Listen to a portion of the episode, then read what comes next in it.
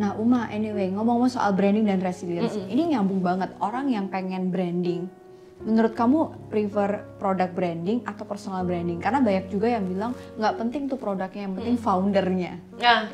Nah, tapi apa yang terjadi? What happened with you ketika kamu dulu punya masalah mm. dan kemudian brandingmu nggak begitu bagus? Mm. Terus apakah itu mempengaruhi produk mm. atau sebaliknya? Ketika uh, produk kamu nggak begitu bagus mempengaruhi branding personal kamu hmm. dan sebenarnya kalau dari kacamata Uma ini ada kaitannya nggak sih antara uh, branding dengan resilience uh, kita menjalani usaha itu? Oke, jadi uh, mungkin supaya contohnya lebih gampang, enak, ya? gampang, um, aku contohin aku dan Mbak Ana deh, okay. gitu. Kalau Mbak Ana itu kan personal brandingnya gede dulu, kemudian uh, brand-brand di sekitarnya ngikut Mbak Ana yes. gitu kan. Aku tuh kebalikannya kan Mbak. Mm-hmm. Amazaranya gede dulu, aku ngikut nih ke Amazaranya. Jadi mm-hmm. orang lebih tahu Amazara. Kalau Mbak Ana mungkin orang lebih tahu Mbak Analisa daripada gitu kan. APDC-nya iya. gitu ya. Okay. Nah, pertanyaannya ini banyak banget juga aku terima Mbak. Yeah. Um, yang mana yang benar yang salah, terus kalau kayak gini gimana kalau kayak gini gimana? Kayak ayam sama telur. Iya sebenarnya gini ya. itu kan mm, itu nggak ada yang benar nggak ada yang salah. Jadi nggak ada yang benar dan salah. Nggak ada sama sekali. Soalnya sebenarnya gini yang sebenarnya yang yang menurut aku perlu digaris bawah itu bukan pertanyaan benar salah atau yang mana duluan atau yang ini. Yang penting begini loh, kita itu harus pintar-pintar yang namanya manfaatin momentum. Okay. Sekarang mbak Anda lihat deh, bisnis besar mana atau artis mana atau influencer mana yang dia itu bisa besar tanpa nunggangin momentum. Hmm, Coba kita lihat, kenapa Friendster um, tidak sesukses Facebook? Momentum, gitu. Kenapa um, ada kosmetik A yang boom banget sekarang tidak yang sukses sebelumnya gitu. Mm. Karena sebenarnya banyak kok industri atau perusahaan yang perusahaan-perusahaan yang mungkin foundernya keren, terus orang-orangnya pinter dan lain-lain tapi momentumnya belum tepat. Oke, jadi gitu. momentum itu penting untuk kita tangkap. Penting, misalnya, kenapa Avil Sneakers ini kayak gini? Karena hmm. waktu aku mau launching itu, aku menyadari bahwa vulcanized sneakers, kalau kita lihat mungkin kan ada kayak di Indonesia kan ada Ventela, Kompas itu lagi boom banget hmm, gitu. Hmm, nah, kalau aku tiba-tiba ngeluarin heels, itu tuh kayak out of topic gitu loh mbak. Iya yeah, iya. Yeah, Jadi yeah, bukan kita mau fit into the itu enggak, tapi kita harus pinter ngebaca strategi strategis juga untuk membaca ini momentumnya apa. Okay. Nah begitu juga dengan yang namanya brand. Brand sekarang ini momentumnya adalah yang namanya bisnis mm -hmm. itu uh, audiens itu pengen tahu siapa yang di belakang bisnisnya. Iya, yeah, iya. Yeah. Dan yang namanya influencer atau um, selebgram you name it apa pun orang yang punya masa, mm -hmm. itu sekarang juga pengen punya bisnis. Dan itu sah-sah aja menurut Dan itu sah-sah aja karena itu justru memanfaatkan momentum. Jadi kalau ada yang bilang pansos dan lain sebagainya, iya sebenarnya bukan pansos ya. Kalau pansos itu mungkin lebih ke attitude ya, kayak hmm. mungkin kok kayak ikut-ikutan gitu. Tapi kalau ini kan yang namanya memanfaatkan kendaraan ya. Kalau memang sosial media lagi bagus ya masa kita nggak gunain. Okay. Kalau memang personal brand kita lagi bagus ya masa kita nggak mau egois sih nggak mempergunakan ini untuk kendaraan-kendaraan orang lain bisa naik gitu Dan loh. itu orang-orang yang resiliensinya resiliensinya tinggi adalah orang-orang yang ketika dia sempat fail, mm -mm. kemudian dia cepat menangkap peluang untuk mm -mm. bangkit kembali mm -mm. gitu. Jadi banget banget peluang itu juga salah satu nah, skill ya. Itu kan harus dilakukan dengan cepat. Kalau nggak kita losing momentum. Coba kalau Amazara baliknya lagi tiga tahun lagi. Okay. Lupa kali orang juga gitu. Kayak itu, itu, itu brand yang mana ya? Bener, bener gitu. Karena kayak aku sendiri ngerasa waktu kemarin uh, lagi pandemi mm -hmm. ini kita bikin Instagram live. Mm -hmm. Di saat orang-orang belum Instagram mm -hmm. live, kita bikin Instagram mm -hmm. live. Dan benar kayak nangkep peluang gitu. Exactly. Okay. Ketika sekarang sekarang ketika orang semua udah, udah udah begitu kan kita harus tahu sekarang momentumnya lebih ke mana sih. Jadi sebelum orang lain itu ke sana, kita harus ke sana duluan. Iya, Ya, itu yang Amazara dan Uma Habsari lakukan sampai hari ini. Iya, aku sendiri belajar learning from my lesson bahwa kita harus tahu momentumnya itu kapan. Kita harus berpikir strategis tanpa kita harus mengorbankan identitas kita yang sebenarnya. Setuju gitu. banget. Itu kayaknya makna personal branding yang paling dalam. Jadi memang nggak apa-apa berubah-berubah asal masih dalam satu uh, value yang mm -hmm. sama mm -hmm. dan tidak menjadi orang lain di situ. Exactly. Ya misalnya kayak um, ini kan Mbak Ana, ini Uma. Kalau kita pakai baju beda-beda kan harus dong malahan karena kita menyesuaikan. Kalau enggak kita ya masa mau pakai baju sama terus gitu. Tapi kan diri kita tidak berubah. Karakter kita, pembicaraan, voice kita, cara kita menulis kan tidak berubah. Cuman tampilan luarnya aja yang berubah. Dan itu justru bagus karena kita ngikutin momen, kita ngikutin uh, kita stay relevant sama audiens kita kan. Oke, okay, ibaratnya nih handphone ya katanya ini handphone terbaru mau dia ditaruh di bawah kolong mau dia diinjek-injek mau dia mungkin agak bocel dikit tapi kalau dikasih gratis pada mau nggak Iya kan Iya. itu kan kayak Iya. kayak kita dalam kondisi seterpuruk apa pun value itu yang nggak akan mungkin lepas dari Exactly, diri kita iya. gitu Mm, Makanya aku juga bilang sebenarnya kalau misalnya kita mau berinvestasi yang paling bener ini bukan jawaban diplomatis, bukan jawaban apa ya, tapi memang yang paling bener itu ya investasi ke karakter kita. Karena itu tuh nggak akan hilang, Mbak. Oke Mau kita saat naik turun kayak kemarin nih waktu Amazera udah turun ya. Justru ketika kita punya resilience, ketika kita bisa caranya bounce back higher dengan cepat itu justru peluang malah jadi keambil. Betul. Contohnya nih, aku yang tadinya hmm, ada lebih mungkin di Amazara ya fokusnya. Sekarang ketika aku balik, aku bawa buku. Bukunya itu menjadi bisnis tersendiri dan Uma sebagai entrepreneur itu beda dengan Amazara sebagai local brand. Jadi Oke. ini menciptakan bisnis yang baru nih gitu. Not necessarily Uma adalah Amazara dan Amazara adalah Uma karena mereka pun juga beda meskipun terkait gitu. Oke, Mungkin baik. sama kayak Mbak Ana dan APDC kan. Iya, iya. Similar banget sebenarnya. Itu terkait tidak bisa dipisahkan. Tapi sebenarnya itu dua core bisnis yang berbeda dan Jadi, saling menghasilkan sendiri-sendiri. manajemennya juga berbeda Berbeda. eh, manpowernya juga berbeda berbeda value um, value proposition yang kita tawarkan juga berbeda kalau orang ke Uma tuh kan bukan mau beli sepatu orang ke. Amazara mau beli sepatu orang ke Uma mungkin mau belajar um, tentang story orang mau entrepreneurship, dan sebagainya gitu ya. Nah menarik Uma, ada satu anggapan nih bahwa kalau dulu, aduh orang yang sibuk bisnis dan sibuk ngomong tentang bisnis, akhirnya tuh menjadi salah satu uh, kecaman tersendiri buat bisnis dia. Iya gitu. kayak kayak jadi sibuk motivator gitu Nah. terus habis itu kayak Kan eh, nggak ini nggak nggak konsen sama Benar, bisnisnya itu gitu mungkin adalah mindset yang uh, sebelum zamannya digital, sosial media dan sebagainya ini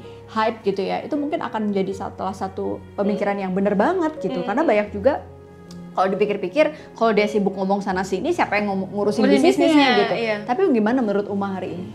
Menurut aku sih gini ya, em, aku juga mengenal beberapa orang yang seperti itu. Dan aku rasa sebenarnya apa yang salah juga dengan kalau memang dia mendapatkan eh, rejeki dari dia menjadi motivator. Ketika bisnisnya lagi turun dan itu dia merasa lebih nyaman dengan bisnis ini, ya udah kan itu pilihannya dia gitu. Jadi aku melihat ya resikonya bisnisnya jadi lebih menurun karena kan ini bisnis barunya dia, motivational things ini. Tapi Uma sempat nggak berpikir bahwa Nah, pengen di belakang layar aja Kalau kan, aku Bu? gini mbak, soalnya em, aku ini memang jadi my mom itu sebenarnya a teacher.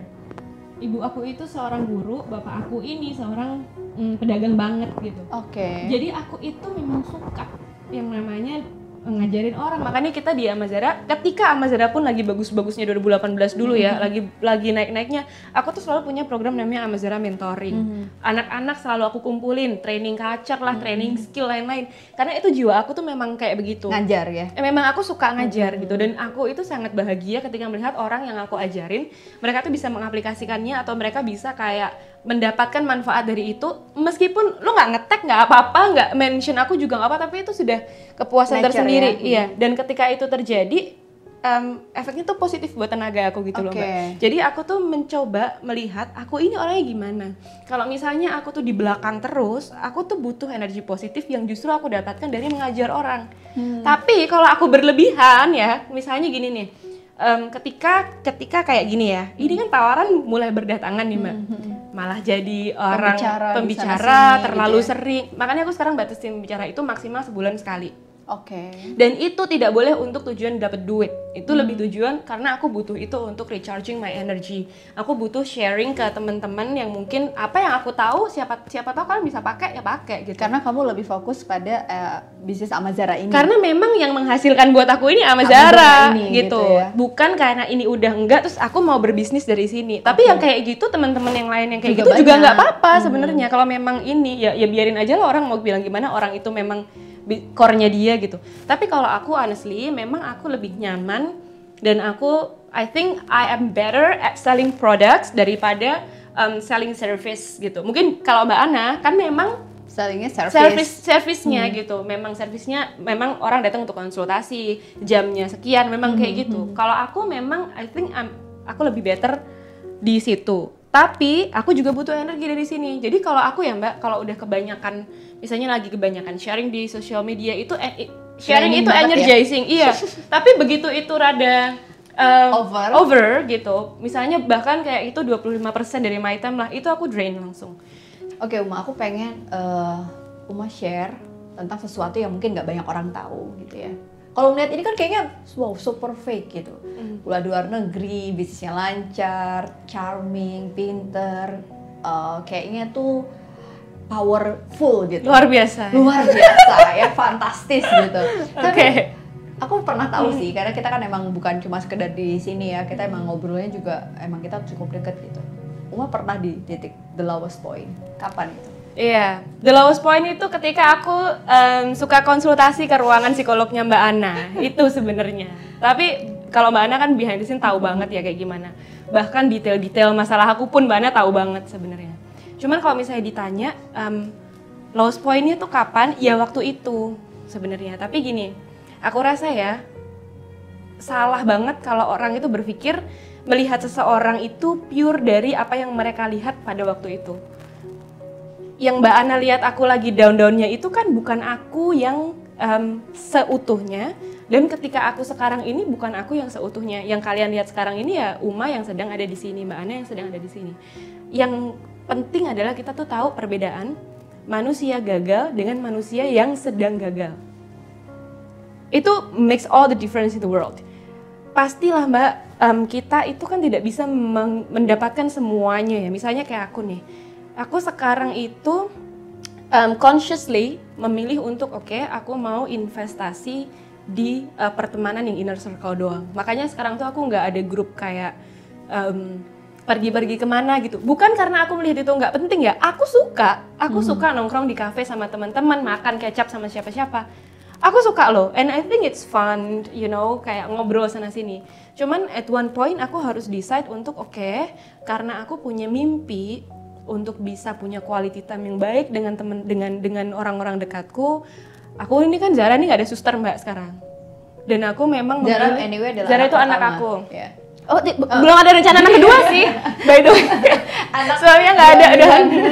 Jadi em, Belum, jadi belum. tapi sekarang mungkin kita bisa ngetawain itu Iya, ya. iya, iya. kalau kita Benar, kembali benar. ke 2019 lalu tuh kayak aku tuh mikirin aduh Zara kasihan banget nanti harus begini begini begini begitu. Nah itu kan sebuah ketidaksempurnaan ya. Banyak orang yang bilang em, em, kamu stay married aja lah untuk Zara misalnya gitu. Nah tapi kalau aku mikir gini sih yang paling tahu kebutuhan dan keadaan kita sendiri ini kan diri kita sendiri ya.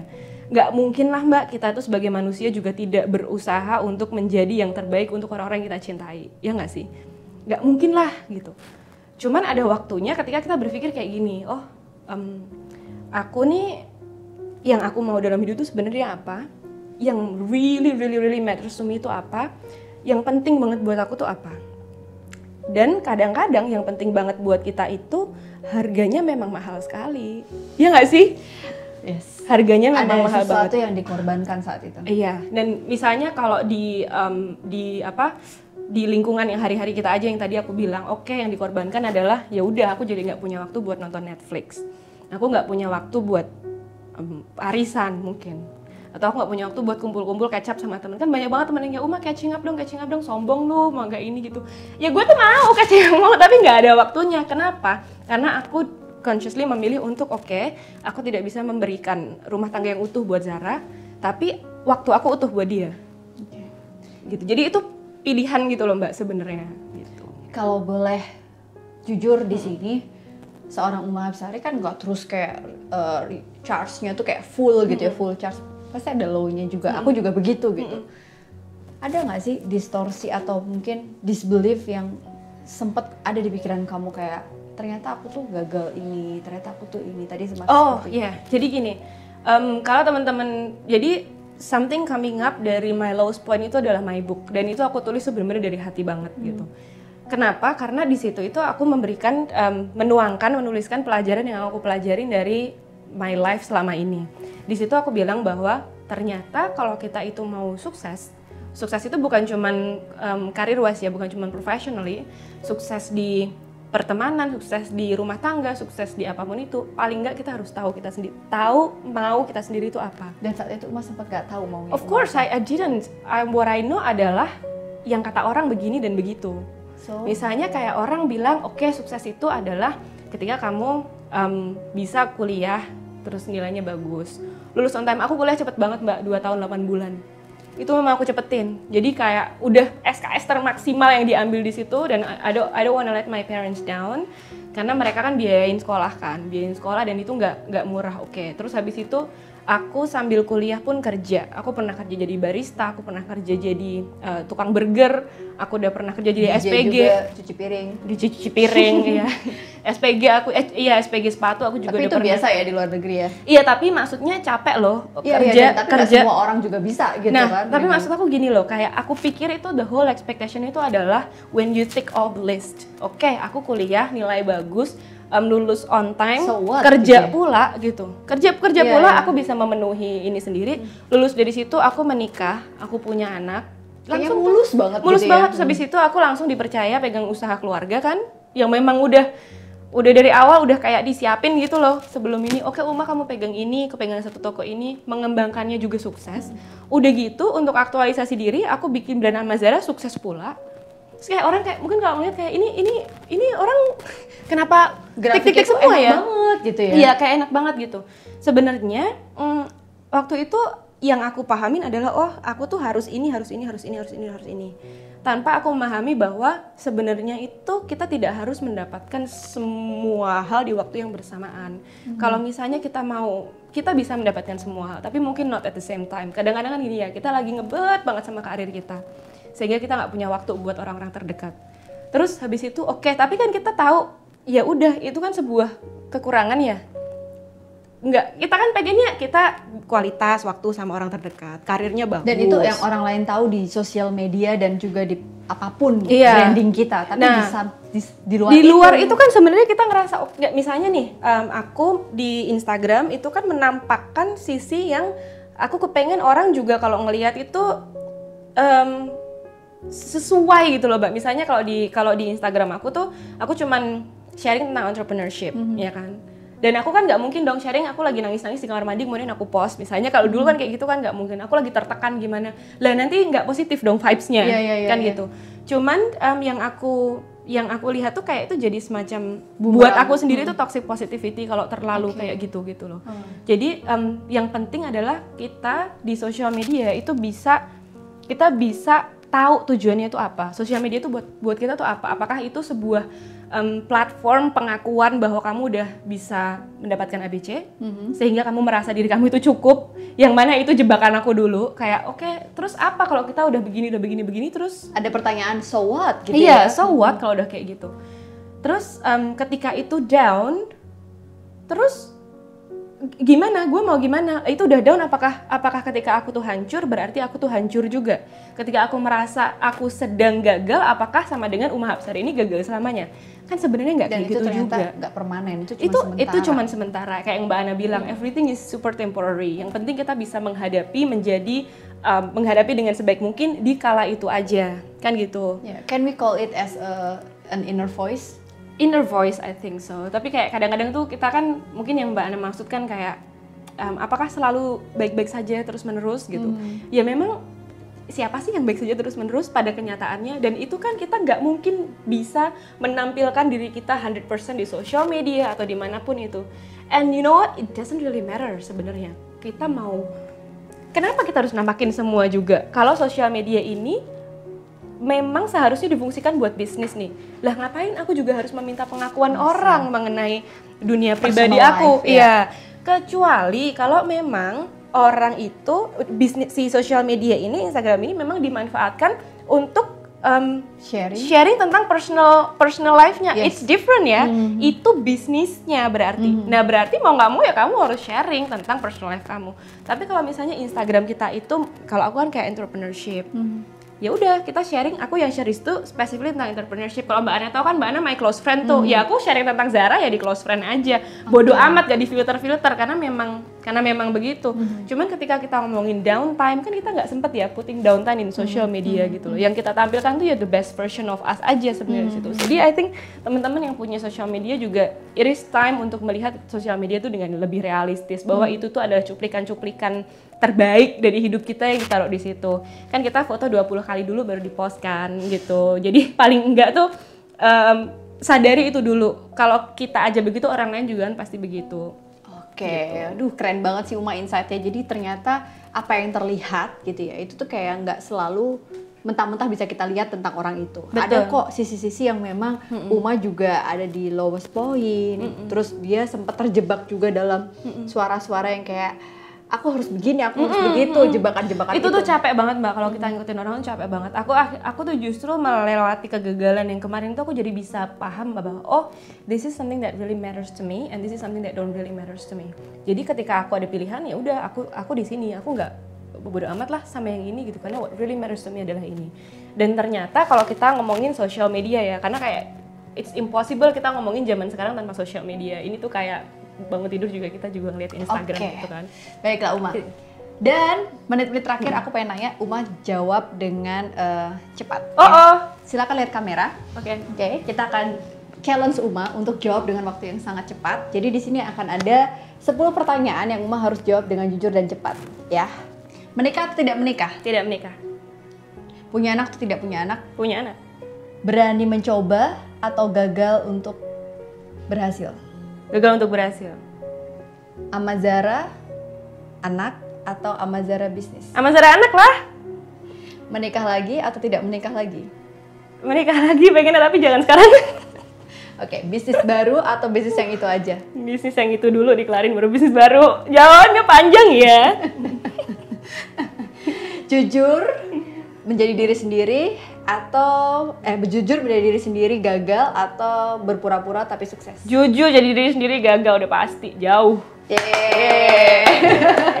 Thank you, Uma. Thank you, Udah Mbak Ana. bilang Jujur, eh, teman-teman semuanya ternyata banyak banget pelajaran yang bisa kita dapetin dari Uma Hapsari. Aku juga ngeliat banget gimana dia growing dari yang dulu pertama banget bikin bisnis sebelumnya dan sampai hari ini nggak cuma bisnisnya aja yang eh, better gitu ya, tapi Uma sendiri dia tumbuh menjadi Uma yang the better version menurut aku sebagai salah satu sahabat dia. Sukses Amin. Uma. Makasih, Mbak Thank Ana. you. Thank you. Udah nonton Thank Alsa you. Channel dan thank you Mbak Sari. Thank you, Mbak Kalau mau beli bukunya di mana? beli bukunya bisa dicek di link IG bio aku atau inmyownshoes.id karena judulnya in my own shoes Oke, thank you dah. Assalamualaikum.